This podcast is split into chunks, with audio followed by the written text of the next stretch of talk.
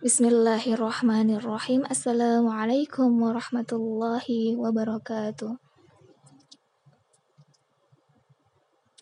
إن الحمد لله نحمده ونستعينه ونستغفره ونعوذ بالله من شرور أنفسنا ومن سيئات أعمالنا من يهده الله فلا مضل له ومن يضلل فلا هادي له Asyhadu an la ilaha illallah wa asyhadu anna Muhammadan abduhu wa rasuluh amma ba'd. Mengenal sosok Ibunda Aisyah radhiyallahu anha. Seperti yang telah kita ketahui bersama bahwa Rasulullah Shallallahu alaihi wasallam memiliki 13 istri. Dan satu-satunya gadis yang dinikahi Rasulullah adalah Ibunda Aisyah radhiyallahu anha. Ibunda Aisyah adalah istri ketiga Rasulullah setelah Khadijah binti Khuwailid dan Saudah binti Za'mah. Beliau dikenal sebagai sosok yang cerdas, sehingga beliau menjadi wanita yang paling banyak meriwayatkan hadis dari Rasulullah. Dan beliau juga dikenal sebagai sosok yang cantik, berkulit putih dan pipinya yang kemerah-merahan ketika beliau malu atau saat kulitnya terkena sinar matahari sehingga Rasulullah Shallallahu alaihi wasallam memanggilnya dengan sebutan Humairah. Dan tidak hanya itu, beliau juga dikenal sebagai sosok yang pemberani dan dermawan. Beliau Ibunda Aisyah adalah anak dari Abu Bakar As-Siddiq, sahabat Rasulullah wasallam. Ibunya bernama Ummu Ruman. Beliau lahir di Mekah dan meninggal di Madinah. Dalam sebuah hadis dijelaskan dan diceritakan bahwasanya suatu hari Rasulullah sedang tertidur dan beliau bermimpi didatangi seorang malaikat yang membawa sesosok perempuan kecil mengenakan pakaian sutra putih. Malaikat itu berkata, ini adalah istrimu. Lalu Rasulullah menyingkap penutup wajah sosok tersebut dan ternyata beliau adalah Bunda Aisyah radhiallahu anha.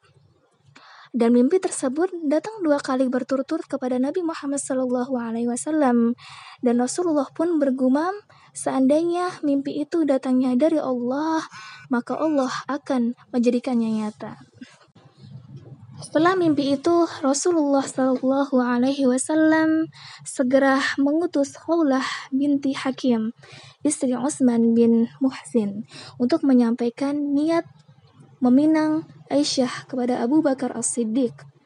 Namun, awalnya Abu Bakar As-Siddiq tidak merestui pernikahan beliau karena Abu Bakar As-Siddiq merasa bahwasanya Aisyah tidak pantas bersanding dengan Rasulullah Shallallahu alaihi wasallam.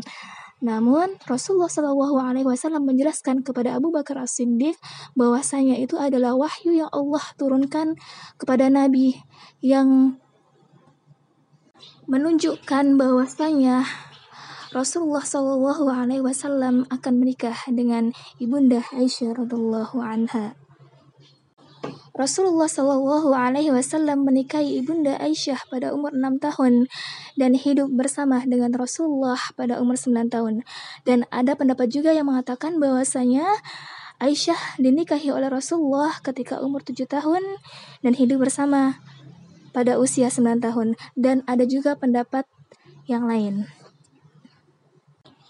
Meski Bunda Aisyah terbilang masih muda di antara istri-istri Rasul yang lainnya, tapi beliau memiliki kemampuan menghafal yang sangat kuat. Dan tidak hanya itu, bahkan kecerdasan Ibunda Aisyah melebihi laki-laki di zamannya sehingga tak heran jika ia dijadikan tempat bertanya ulama-ulama terkemuka di kalangan sahabat Nabi Muhammad SAW. Dan tidak hanya itu, bahkan Aisyah radhiallahu anha menduduki urutan keempat perawi hadis terbanyak setelah Abu Hurairah, Abdullah bin Umar bin Al-Khattab, Anas bin Malik, kemudian Aisyah radhiallahu anha. Dan tidak hanya itu, selain menjadi perawi hadis, Aisyah juga dikenal sebagai sosok yang pandai dalam ilmu fikih, pengobatan, dan juga mengoreksi pernyataan para sahabat soal sabda atau tindakan Nabi Muhammad SAW yang kurang sesuai. Dari kisah yang Ustazah sampaikan ini ada hikmah yang bisa kita ambil dari pernikahan Aisyah dengan Nabi Muhammad SAW yaitu adalah diriwayatkannya ribuan hadis yaitu sekitar 2210 hadis yang berasal dari Ibunda Aisyah radhiallahu anha. Dan hadis tersebut lebih spesifik tentang kehidupan rumah tangga antara Ibunda Aisyah dan Rasulullah Shallallahu Alaihi Wasallam yang sampai saat ini patut diteladani seperti hadis-hadis tentang bagaimana cara Rasulullah berpuasa, bagaimana cara Rasulullah salat dan lain sebagainya.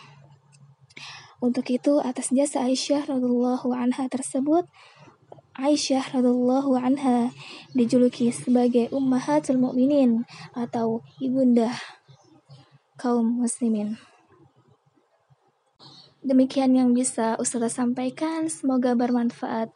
Wabillahi taufiq wal hidayah. Wassalamualaikum warahmatullahi wabarakatuh.